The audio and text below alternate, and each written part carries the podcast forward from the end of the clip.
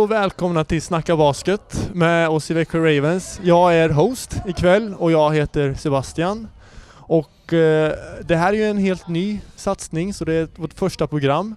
Eh, vi kommer framförallt som sagt att snacka om basket med olika ja, personligheter och annat. Yes, jag tror jag drar igång. Idag har vi med mig Mattias Lundgren och jag tänkte vi startar med fem snabba så vi får en liten bättre bild av vem du är. Sommar eller vinter? Vår. Vår, ja okej, bra. Fet pizza på en sunkig pizzeria en söndagkväll eller charkisar och rödvin på en strand? Eh, charkisar och rödvin. Ja okej. Ja. Har man coachat länge så lär man sig uppskatta den feta pizzan en söndagkväll efter en bortamatch. Ja det är väl sant i och för sig, fast det sa du inte. Nej sa det du sa jag inte, det var en kuggfråga. Euroleague eller NBA? Euroleague alla dagar i veckan. Ja. Och, två, och två gånger på söndagar. Så gånger på söndag. Ja. Då du inte äter fet pizza. Ja exakt. Jordan eller LeBron? Jordan. Se där ja. Vinna med 100 eller torska med 2? Oj. Eh,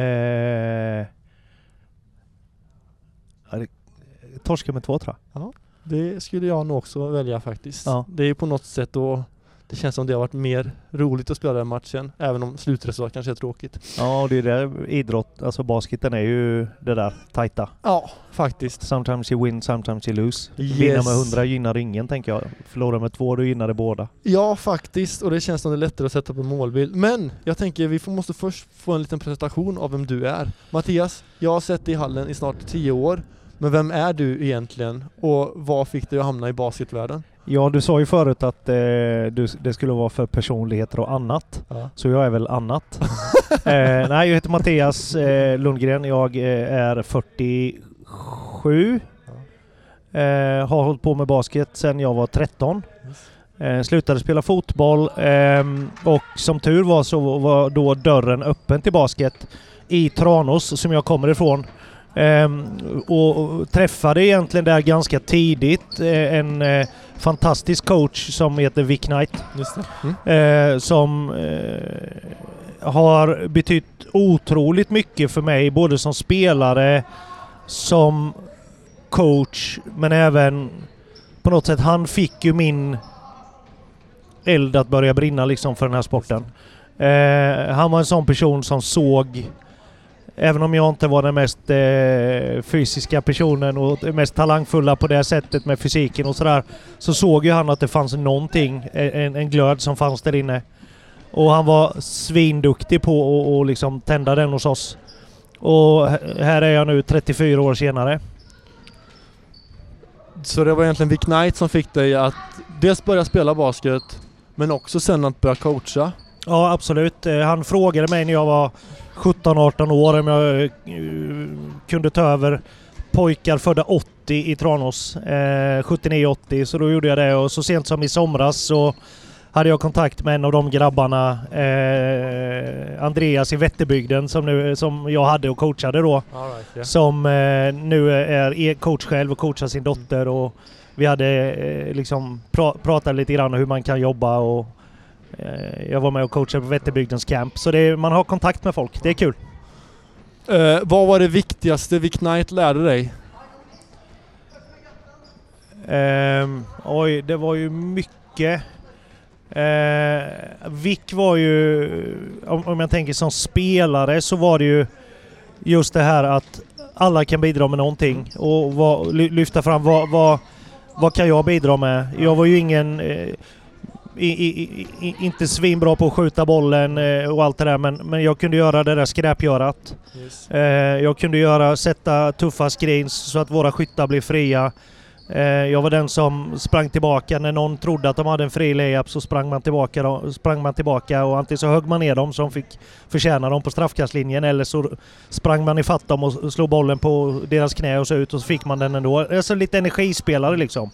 Ehm, och just satt all, jag satt alltid laget före, före mig själv. Ehm, och det var han ju... Det var nog det viktigaste för mig tror jag. Ehm, Du började, du började coacha när du var 17-18 ja. och nu var det 77, sa du det? Förlåt, jag var inte 77. Nej, 47! 47. Du har coachat väldigt länge i alla fall. Ja, ett tag. Ja, eh, om vi Det betyder att du har sett, du har haft många spelare Ja. som du har coachat. Ja. Vad kännetecknar en bra spelare? Oj, eh, hur, hur länge har vi? Eh, Inte allt för lång tid, men ändå lite tid ja, har vi, precis. att- Nej, men jag, jag kan väl tycka någonstans att kunna anpassa sig efter situationer. Eh, att inte, för är man bara bra på ett par saker så blir man ju begränsad. Japp. Eh, att man... Sen om, å andra sidan när du kommer upp på elitnivå så ska du bara göra en Yes, eller två saker. Precis. Men det, det är inte riktigt det. Jag tänker mig kanske, jag tänker mig kanske mer en ungdomsspelare främst. Eh, så tänker jag mig att man ska bli utbildad i, inom många olika saker för att sen lära sig och hitta vad är min grej. Mm. Eh, att man inte sätter spelare i fack för tidigt. Nej, precis, Eh, precis. Och, och, Man lägger på något sätt en, en, en grund. Alltså även om vi ser specialister på hög nivå så är ju de otroligt duktiga generalister innan de blir specialister. Så är det ju absolut. Absolut. Eh, det finns ju många exempel på, eh, på det liksom. Men, men du, du måste ju ha du måste ju ha en bra fundamental grund innan du kan bli, få fram den där spetsen. Eh, och att man som ungdomscoach kanske då fostrar spelare som, som får en bra grund.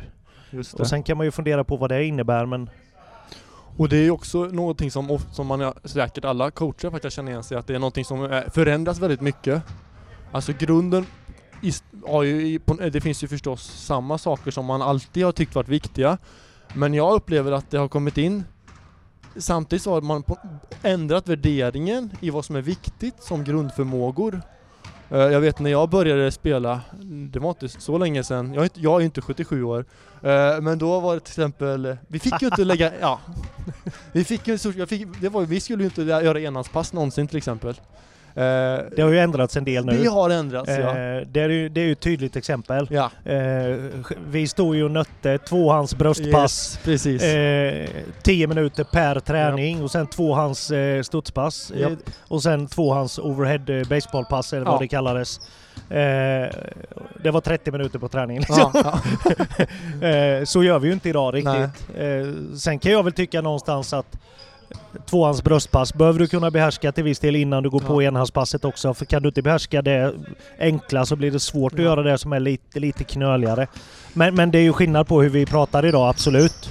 Och man känner igen, jag tycker när man... Pass när, från studs, Sebbe, är ju samma sak. ja, Fick precis. absolut inte passa från studs. Nej, Det exakt. är ju helt... Det var ju en dödssynd. Ja. Eh, idag, ja, ser lite annorlunda ut. Ja, man måste, man måste anpassa sig utifrån fysikalitet och sådant. Men idag när man kommer in i en hall och tittar på, på spelare och sånt där, jag, jag tycker att... Jag, jag, jag gillar ju att se spelare... Alltså man märker ju en spelare som är fundamentalt skolad, eller har lärt sig grunderna väldigt bra. De blir ju en slags säkerhet på planen. Och de ger en säkerhet på planen. Och det bygger ju på något sätt på att de har fått de här mycket repetitioner av vi pratar liksom om att kunna göra olika passningar, att förstå rotering och sånt. Man blir liksom inte stressad av det. Och samtidigt kan jag tänka att det är ganska vanligt att man ser ungdomsspelare få ganska högt stresspåslag. Tror du det är någonting, hur, tänker du kring träningsupplägg och sånt för att skapa trygga spelare helt enkelt, som blir då fundamentalt skolade? Har du något speciella tankar så i ditt träningsupplägg? Ja, men generellt i så fall så är det ju att att man ut, att de, vi ska försöka utsätta dem på träning Mm. för saker som upplevs jobbigare än på match. Just det. Eh, så, att, så att vi ska liksom inte... Vi ska inte spela safe på träning. För att då blir vi van vid det. Ja. Eh, för, för, för ett antal år sedan så, så något lag jag coachade så hade vi inte, då hade vi inte börjat komma upp och pressa helplan än. Att Nej, liksom precis, spela försvar över precis. hela banan. Eh, vilket gjorde att, vad fick det för konsekvens? Det var ju i vårt sätt att spela för jag Mm. bedömde inte att vi var redo att göra det. Nej, precis. Eh, men det fick ju konsekvenser så fort vi mötte lag som... Vi blev ju sämre på att dribbla bollen genom att inte göra så, vara tuffa mot varandra på träning. Nej. Så efter ett par månader bara, det här går inte. Nej. För att vi måste bli vana vid att det måste vara press och tryck Ja, hela tiden. precis. Och då lärde vi oss successivt också att sätta det där trycket med fotarbetet och med Ja. fysiken som det kräver. Ja. Ehm, så, så det är väl en sak. Det gör ju också att du blir lite bekväm Japp. eller trygg kan vi Mm. väl säga. Ja. Men sen tror jag också att, att, att man lär sig det finns ju vissa, vissa delar som jag upplever är viktigare än andra när det gäller att skapa eh, en, en trygghet med boll. Ja. Det handlar ju till exempel om att man, ju, man har ju diskuterat det där, nu vet jag inte hur den regeln är på EC-basket, om man får ta bollen ur händerna på folk längre.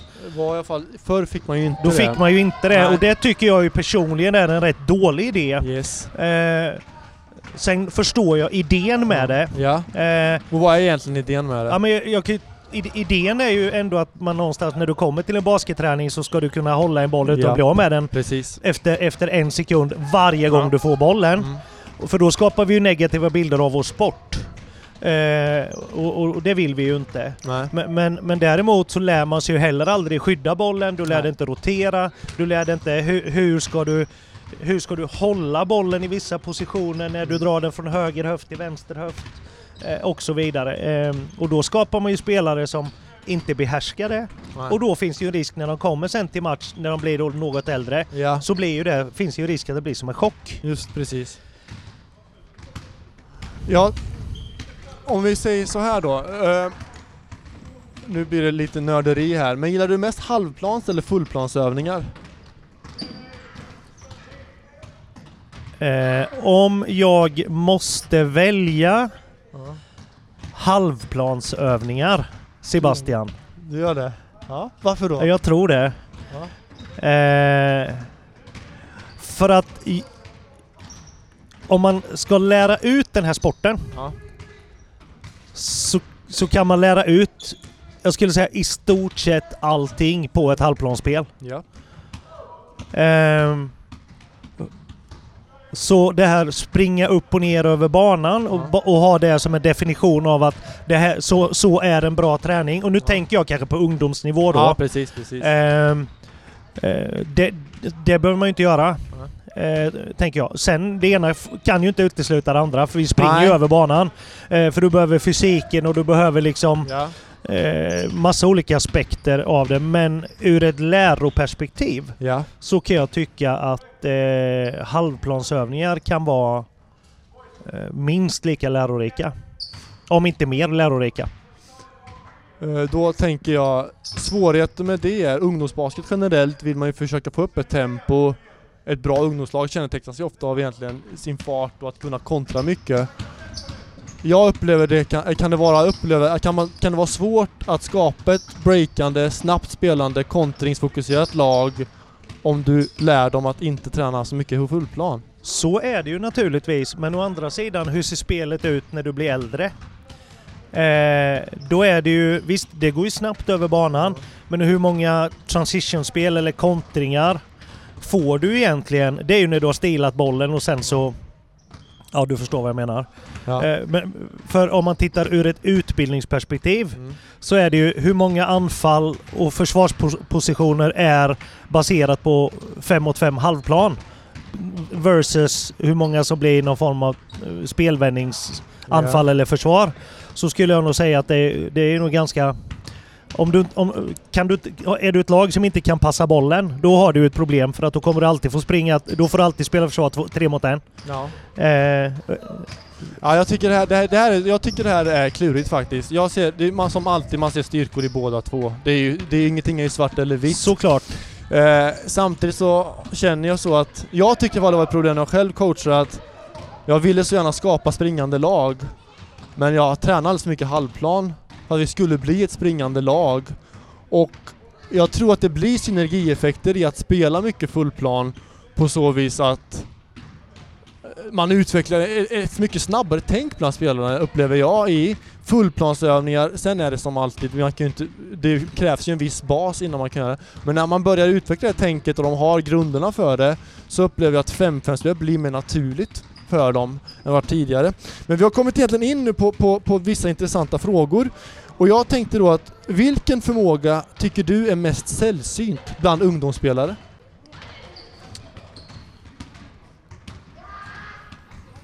Jag, jag- tycker att eh, det, det som ofta många är svagast på, om man säger Ja. så då.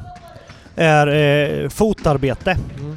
Skulle jag säga. Och, och, och, då, och då tänker jag till exempel förmågan att kunna skjuta utan att studsa. Japp. Eh, för idag, du frågade förut Euroleague eller NBA. Eh, jag kan ju tycka att NBA är ju för mig ett sömnpiller. Det kanske är som att svära i kyrkan och säga det här, men jag säger det ändå. För att det är så mycket... Det är så mycket dribbla på stället och stå och göra otroligt avancerade moves. Eh, som är, kan vara coola att se på, men när, när, när bollen... För mig är ett, ett basket ett, det, bollen ska förflyttas för att det ska vara underhållande tycker jag. Mm. Jag gillar inte när man står på och studsar 16 gånger på samma ställe och tre, tre, 30 mellan ben och sen fyra stepbacks och sen skjuter man en trea från halva plan. Jag tycker inte det är underhållning. Ehm, och och, och just, just den här, man kan se spelare som man kan, jag kan nästan se på om en spelare är skolad om man har ett bra fotarbete. Du går in och tar en retur. Eller du attackerar korgen, stannar, du läser försvaret, försvaret är, är, är, är i vägen. Du gör en bakåtrotering, försvaret är med dig, du kliver, och- kliver och gör en up and under utan att ha studsat bollen. Mm. Det är för mig en skolad spelare som kan göra det naturligt. Förstår du hur jag tänker? Jag förstår hur du tänker. Eh, som inte blir stressad av att ha tagit upp bollen utan kan fortfarande behålla en kvalitet i det man gör. Mm. Om det är så är eget avslut eller att man ska passa vidare till Ja. skytten i hörnet eller vad det kan vara. Eller någon annan som kattar. Det behöver, det behöver inte vara att man ska avsluta själv. Men fotarbete generellt tycker jag.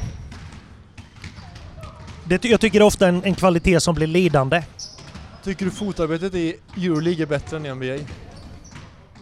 Det, jag, jag, jag, jag, är inte tillräckligt insatt för att Ah, kunna okej. svara på det faktiskt.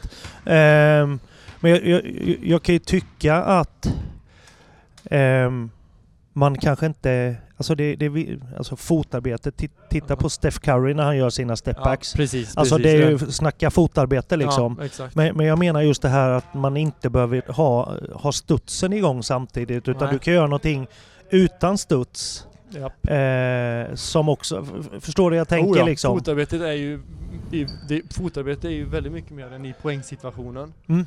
Eh, det är väl rotering är väl det mest enkla exemplet egentligen att redan du har en spelare som inte har fotarbete kommer per automatik få mer turnovers i pressade lägen. Absolut. Så att, men jag, jag tänker, jag, jag tycker att den förmågan som jag känner är största bristen bland spelare nästan alla nivåer som jag önskar ha sett mer av det är eh, kommunikation.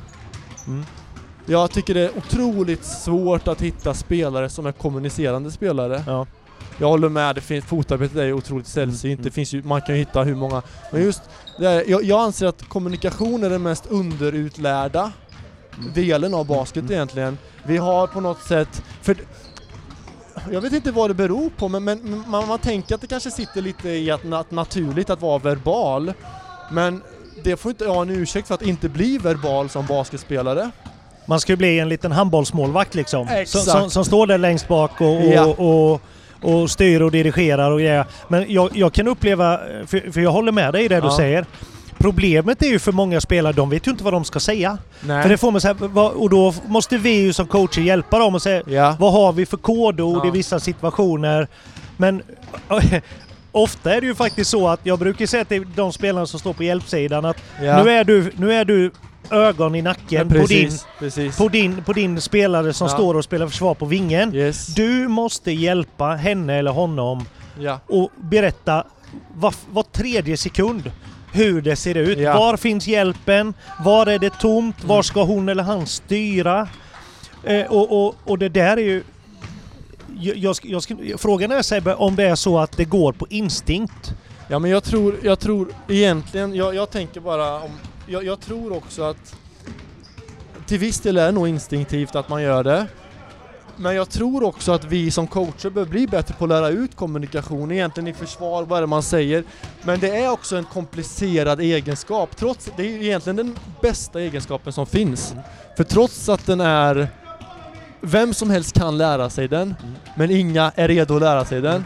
Men egentligen när du har en spelare som kommunicerar, jag skulle säga att den spelaren kommer kompensera för dina, ditt lags brister, Jajamän. den snackar bort dem, Jajamän. och dessutom kommer den spelaren förädla era spetskompetenser också, Mm. och, och höja dem. Men det är ju på något sätt, en, en snackande spelare för mig, det är ett bevis på en spelare som är eh, vinnarskalle, Mm. mentalt tuff, Mm och en riktig lagspelare dessutom. För, för jag kan tycka också det, det, det är inte bara viktigt på, på, på planen, för jag kan tycka det är spännande när man hör spelare som sitter och, och eh, hur de kommunicerar med sina lagkamrater på bänken också. Ja, definitivt. Eh, liksom att hej, såg ni här vad som händer när du... Det här måste vi tänka på när vi Ja. kommer in eller ropa till sina lagkamrater på plan. Mm. Nu är det här på väg att hända när motståndarna kallar två. Nu vet ni vad som händer. Ja, Det kommer det och det. Eh, att, man, att man både på, och, på plan och utanför plan. ja, och liksom man säger att, man brukar säga att alla spelare kan kämpa hårt, men om en spelare som kan kommunicera kommer alltid att hitta en plats i ett lag. Och den spelaren kommer alltid kunna spela betydligt mer minuter än vad man tror. För att det märks så tydligt när de går av planen, Mm. eller om de inte är med. Så är det ju. Och jag tror att de spelarna gör att laget överpresterar Mm. en majoritet av Mm. matcherna. Mm. Har du ett lag som inte har kunskaper, men är kommunikatörer, Mm. Så kommer de fortfarande över, bli betydligt bättre än att ha ett lag som är tekniskt skolade eller duktiga, Mm. eller individuellt skickliga, men inte kan kommunicera med varandra. Ja men stå, står, du, står du i, en, i, i ett zonförsvar när du, Ja. när du, när du är vuxen eh, och, och, och har en person i mitten som står och dirigerar Ja. allting. Han kan ju liksom, han eller hon kan ju se Alltså vara den här dominanta spelaren som hörs överallt Precis. och är den som styr hela försvaret. ja. Och det är det jag tänker med som en handbollsmålvakt. Ja. Liksom, att de, jag, jag kan ju, man, jag har inte sett så jättemånga handbollsmatcher men när man har sett i alla fall och hört Ja. då. För det är också intressant att lyssna på idrott. Absolut. Absolut. Och är då det- kanske inte golf. Men lagidrott. Men alltså, jag, jag tycker, jag gillar också det. Det är väl på något sätt när man sitter och tittar på en basketmatch, man njuter ju inte på det sättet som man kanske gör. Man tittar ju med lite coachögon. Eh, Det kan man ju lugnt säga. Jag gillar att lyssna på spelare. Ja. Och jag tycker att det är så intressant att hitta de här riktiga kommunikatörerna. Ja, De, för det handlar ju, dels försvaret är det ju direkt avgörande. ja. Men jag känner också att de riktigt, riktigt duktiga kommunikatörerna snackar lika mycket i anfall. ja absolut. Och just Absolut. hur, hur liksom, de är så med i matchen. Mm. För att, och jag vet inte om det och det här är ju egentligen en, en rätt intressant, eh, jag vet inte vad, det- vad det bygger på, men antingen så att de snackar igång hjärnan, Mm. eller så att hjärnan sätter igång munnen. Vad den är, så på något sätt gör de skillnad genom att helt plötsligt går de och sätter en screen, eller helt plötsligt så gör de något briljant som öppnar någon spelare. Ja, absolut. Absolut. Så att det, det är en sån övergripande förmåga som jag ser att, jag älskar när jag ser den, men den är så sällsynt. Framförallt hör den. Ja, Ja, ja, precis. Ja, absolut. Du vet, men den är så himla sällsynt. Mm.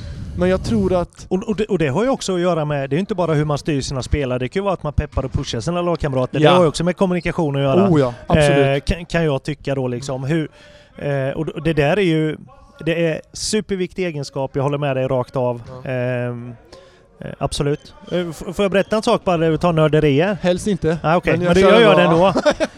eh, 15 år sedan ungefär så var jag i, i Denver. Ja.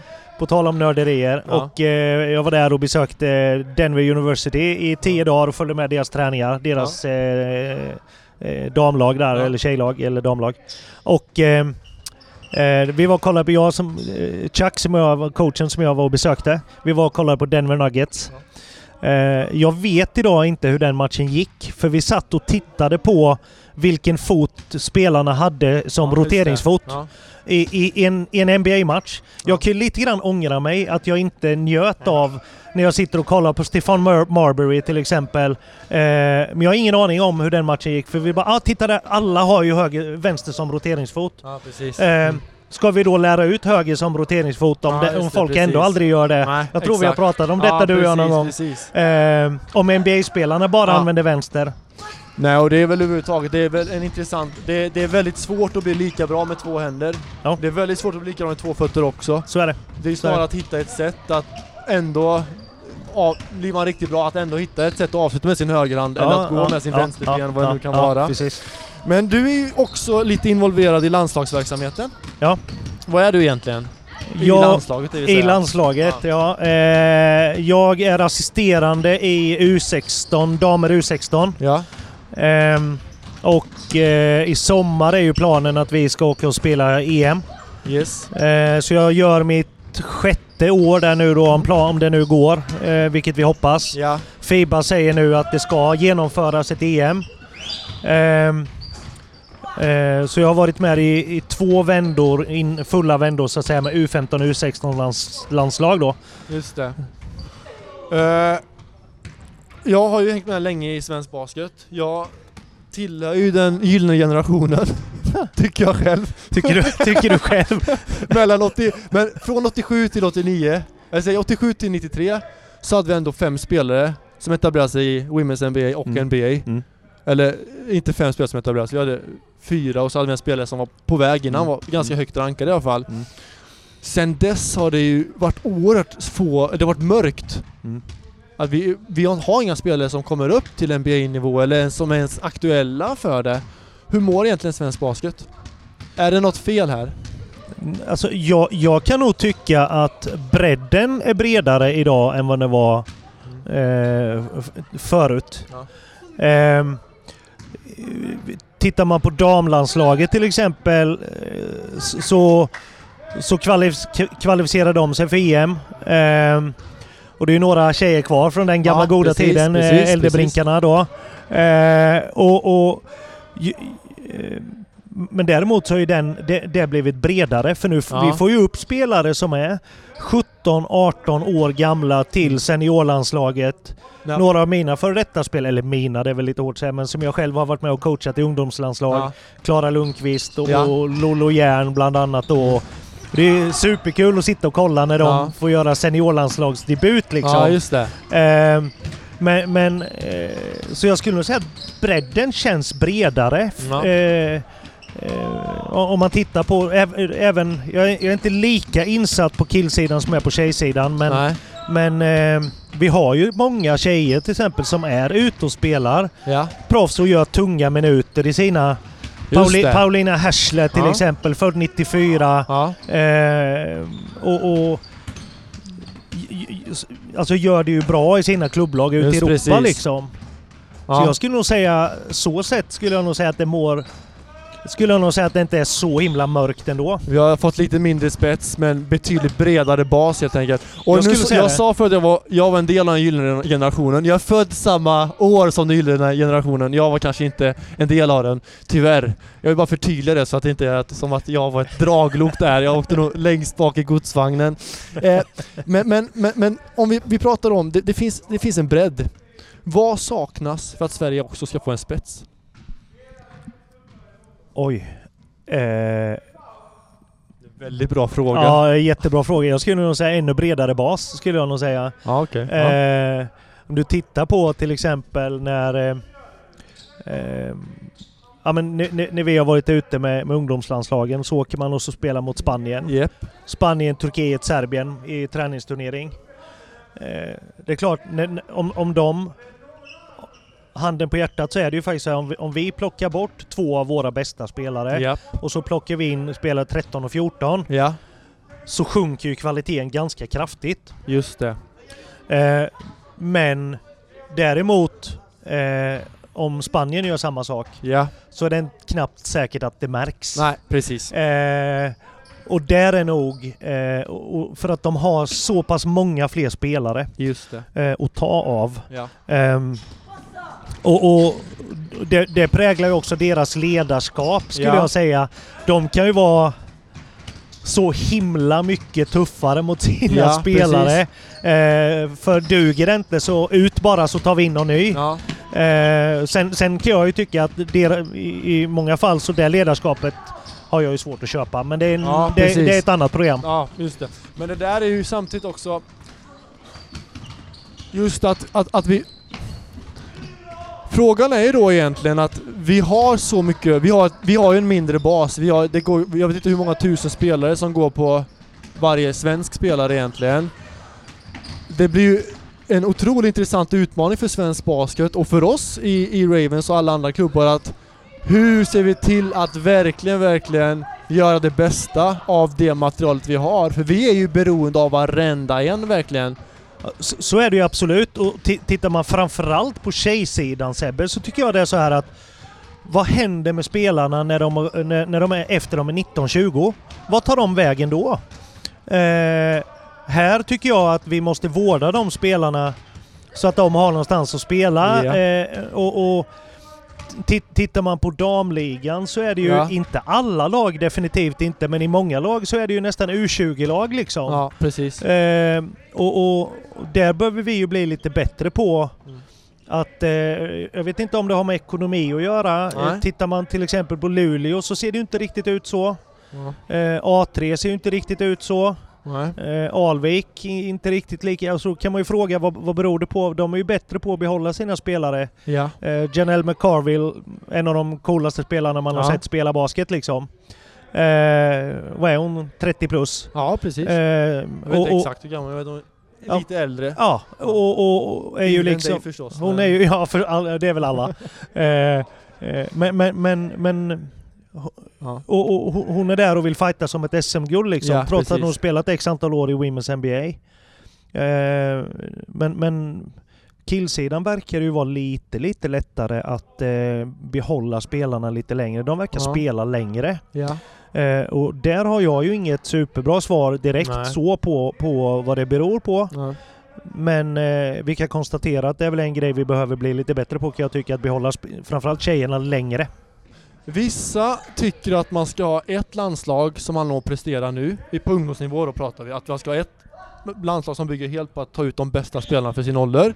Och ett landslag som snarare med framtiden, att ni, inte så, ni kanske inte är lika bra nu, men jag tror långsiktigt att ni kommer ta ikapp. Är det en bra idé tycker du? V vår, eh, vår, vårt uppdrag, när vi, när vi, det är ju att vi ska plocka ut de spelarna som vi tror ska bli seniorlandslagsspelare på sikt. Eh, det är, är, inte lätt. Det kan man säga. Eh, det är ju jättesvårt. Ja. Eh, och, och, och, då får man också försöka sia i någon form av spåkula. Mm. Eh, och vi, det är inte alltid att vi tar ut de bästa 12 bästa spelarna. Nej. Eh, utan vi kanske tar ut de åtta bästa spelarna. Ja. För att sen de fyra rollspelare ja. som vi ändå tror som kan hjälpa de här åtta Just att bli det. ännu bättre. Ja. Eh, så jag har inte hört den tanken förut. Eh, jag har knappt kunnat processa den själv. Nej, det är bara... Eh, eh men, men eh, frågan är om vi... Eh, vad, vad Det är nog inte så många lag som gör så, eller andra länder som gör så. Nej, det tror jag inte Och då är frågan om hur skulle det, det fram, framtidsgänget då, mm. hur skulle de, vilka skulle de tävla mot för att få erfarenhet? För att Men behöver de tävla, undrar jag då? Ja, det tror jag. Mm. Det är jag ganska övertygad om, för att de eh, kommer utomlands och möter lag Eh, ja, men som till exempel, du är en, eh, en, en point guard mm. som eh, gör 40 poäng i varje match i RM. Ja. Eh, där i stort sett allting är på antingen trea eller attackera och göra layup. Ja. Eh, det är ju inte helt ovanligt att det kan se ut så. Eh, och så kommer du med till en landslagsläger. Eh, och så får du möta betydligt tuffare än vad du är van vid ja. och längre spelare och allt det där. Men ja. så kommer du utomlands också. Och så åker du till Eh, åker, åker man och möter Spanien. Ja. Du får inte en layup på hela matchen. Nej, precis. Eh, och, och, du får en spelare som är en decimeter längre än vad du är. Yes. Lika snabb och med längre armar och räckvidd och allt ja. det där och bättre fysik. Du kommer inte förbi en enda gång. Nej. Eh, och det jag vill säga, nödvändigtvis den som kan till synes vara bäst ja. behöver nödvändigtvis inte Alltså det, det, det är så Nej. mycket tuffare utomlands eh, skulle jag säga så att eh, det krävs en, en, en, en, bland annat en, en del size då ju såklart. Ja, precis. Men inte bara det naturligtvis inte. Nej och sen också så, så tycker jag just att det som utifrån, det, det, är otroligt som du säger själv, det är svårt att sia om framtiden. Och det kan, en spelare som kan dominera på en viss nivå och sen kommer till nästa nivå och inte den dominerar. För att den ska börja dominera på nästa nivå också. Det kan ju vara mentala faktorer som i stort sett är omöjliga och, och, och ens, som är omöjliga ens att, att att förutspå att de ens finns där. Så det, det, på så vis har det varit Ja, egentligen lite inte... Det har varit, jag tycker det det är ändå... Jag, det är inte jag som kom på den idén att vi skulle ha två... Ett Det sådant landslag. någon, någon annan från gyllene generationen. Ja, precis. Ja. Men jag tyckte ändå var en lite int- intressant tanke. Mm. Just med... Eftersom vi kanske måste göra saker lite annorlunda just för att vi har så få spelare som vi ändå har i förhållande till många andra platser. Ja men absolut. Ja, eh, det här är första avsnittet av Snacka Basket med Växjö Ravens och jag, Sebastian, måste tacka dig, Mattias, Tack! för det här eh, första avsnittet. Jätteroligt att du var med. Ja men tack så mycket, det var superkul. Glöm inte att ni kommer kunna gå ut i våra sociala medier och kommentera inlägget om ni vill ge någonting som vi kan göra annorlunda. Så får ni hemskt gärna skriva ner det. Jag tackar så mycket och önskar er en riktigt trevlig helg. Var försiktiga på stundande sportlov. Och ta hand om varandra. Ha det gott nu. Hej